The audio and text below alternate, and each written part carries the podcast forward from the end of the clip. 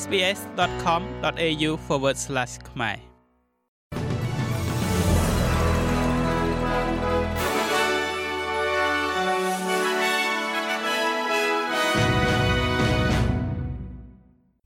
សូមស្វាគមន៍មកកាន់នេតិព័ត៌មានខ្លីៗរបស់ SBS ខ្មែរសម្រាប់ថ្ងៃច័ន្ទទី23ខែសីហា ឆ្នាំ2023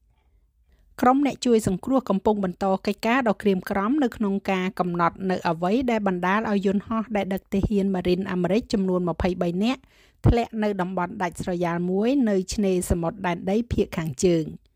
ទាហានម៉ារីនអាមេរិក3នាក់បានស្លាប់និង20នាក់ផ្សេងទៀតបានរងរបួស ក្នុងនោះមាន5នាក់ត្រូវបានបញ្ជូនទៅមន្ទីរពេទ្យនៅក្នុងស្ថានភាពធ្ងន់ធ្ងរនៅពេលដែលយន្តហោះបានធ្លាក់នៅលើកោះ Melville ចម្ងាយ80គីឡូម៉ែត្រភាគខាងជើងទីក្រុង Darwin កាលពីព្រឹកថ្ងៃអាទិត្យទី28ខែសីហានេះអភិបាលរដ្ឋនៃដែនដីភាគខាងជើងលោកស្រី Natasha Files និយាយថាធនធានទាំងអស់ត្រូវបានដាក់ពង្រាយដើម្បីការពារទីកន្លែងនេះ។ នៅក្នុងសេចក្តីថ្លែងការណ៍មួយស្ថានទូតអាមេរិកប្រចាំនៅអូស្ត្រាលីនិយាយថាខ្លួនពិតជាដឹងគុណចំពោះការឆ្លើយតបរបស់អូស្ត្រាលីដោយបន្ថែមថាវាគឺជាការចូលរួមរំលែកទុក្ខដ៏ក្រៀមក្រំបំផុតទៅកាន់ក្រុមគ្រួសារនិងមិត្តភ័ក្តិរបស់ជនរងគ្រោះ។ មួយទៀតនោះតកតងជាមួយនឹងការចោះឈ្មោះចូលរៀននៅ TAFE ដោយឥតគិតថ្លៃដែលបានឡើងដល់ចំណុចកំពូលចំនួន214,000នាក់ដែលកើនឡើងលើសពីគោលដៅដំបូងដែលគេរំពឹងទុកកាលពី6ខែមុនចំនួន180,000នាក់វិស័យថែទាំពេញនិយមជាងគេបំផុតដែលមានសិស្សច្រើនជាង51,000នាក់ឬក៏ប្រមាណជា1ភាគ4នៃការចោះឈ្មោះចូលរៀនទាំងអស់ ខាងសំណង់បានតាក់ទាញការចោះឈ្មោះចូលរៀនជិត21000នាក់វិស័យបច្ចេកវិទ្យានិង Digital ទទួលបានជិត17000នាក់ហើយខាងការអប់រំនិងការថែទាំកុមារតូចៗគឺមានចំនួនជិត12000នាក់ភាគច្រើនគឺជាស្ត្រីដែលបានចុះឈ្មោះចូលរៀននេះដែលមានជាង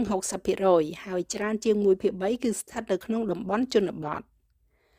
មួយទៀតនោះគឺនៅប្រទេសរុស្ស៊ីដែលឥឡូវនេះកំពុងតែដោះស្រាយជាមួយនឹងលទ្ធផលបន្ទាប់ពីការស្លាប់របស់ប្រធាន Wagner Group គឺលោក Yevgeny Prigozhin នៅក្នុងឧបទ្ទហេតុធ្លាក់យន្តហោះខណៈពេលដែលអ្នកគ្រប់គ្រងប្រមូលផ្ដុំគ្នានៅវិមានអនុស្សាវរីយ៍បណ្ដោះអាសន្នក្នុងទីក្រុងមូស្គូសំណួរនៅតែមានអំពីអនាគតនៃកងទ័ពឯកជនរបស់គាត់ ប្រធានាធិបតីរុស្ស៊ីលោក Vladimir Putin ឥឡូវនេះបានបញ្ជាឲ្យក្រុមអ្នកប្រយុទ្ធ Wagner Group ចុះហត្ថលេខាទៅលើពាក្យសច្ចាប្រណិធានភក្តីភាពចំពោះរដ្ឋរុស្ស៊ីលោកបានចុះហត្ថលេខាទៅលើក្រិតដែលនាំមកនៅការផ្លាស់ប្ដូរនេះដោយមានសុពលភាពភ្លាមភ្លាមកាលពីថ្ងៃសុក្របន្ទាប់ពីវិមានក្រឹមឡាំងបាននិយាយថាការលើកឡើងរបស់លោកខាងលិចដែលថាលោក Prigozhin ត្រូវបានគេសម្លាប់តាមបញ្ជារបស់ខ្លួននោះគឺជាការកុហកទាំងស្រុង។ ចុងក្រោយគេនេះកំណែទម្រង់ទៅលើប្រព័ន្ធចុះបញ្ជីពាណិជ្ជកម្មរបស់ប្រទេសអូស្ត្រាលីត្រូវបានលុបចោលបន្ទាប់ពីការស៊ើបអង្កេតបានរកឃើញថាវានឹងមានតម្លៃ5ដងថ្លៃជាងការលើកឡើងដំបូង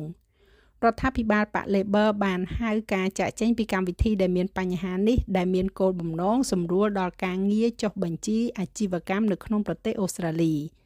ការពិនិត្យសាររើឡើងវិញទៅលើការធ្វើទំនើបកម្មកម្មវិធីនេះ ដែលចាប់ផ្ដើមឡើងដោយអតីតរដ្ឋាភិបាលចម្រុះបានរកឃើញថាវានឹងត្រូវចំណាយប្រាក់រហូតដល់ទៅ2800លានដុល្លារដើម្បីបញ្ចប់ការចំណាយដើមដំបូងដែលគេរំពឹងទុកនោះគឺប្រមាណជា490លានដុល្លារប៉ុណ្ណោះការស៊ើបអង្កេតនេះក៏បានរកឃើញថាវានឹងចំណាយពេលជិតមួយទសវត្សរ៍ដើម្បីបញ្ចប់ការងារនេះមិនមែន4ឆ្នាំនោះទេជំនួយការហេរ៉ាញឹកលោក Steven Jones បាននិយាយថា រដ្ឋាភិបាលមុនត្រូវទទួលខុសត្រូវចំពោះការពន្យាពេលនិងបំផោងថវិកា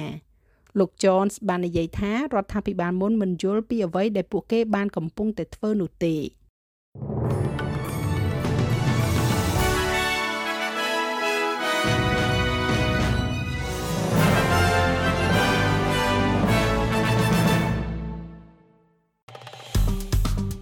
ចុច like share comment និង follow SPS ខ្មែរនៅលើ Facebook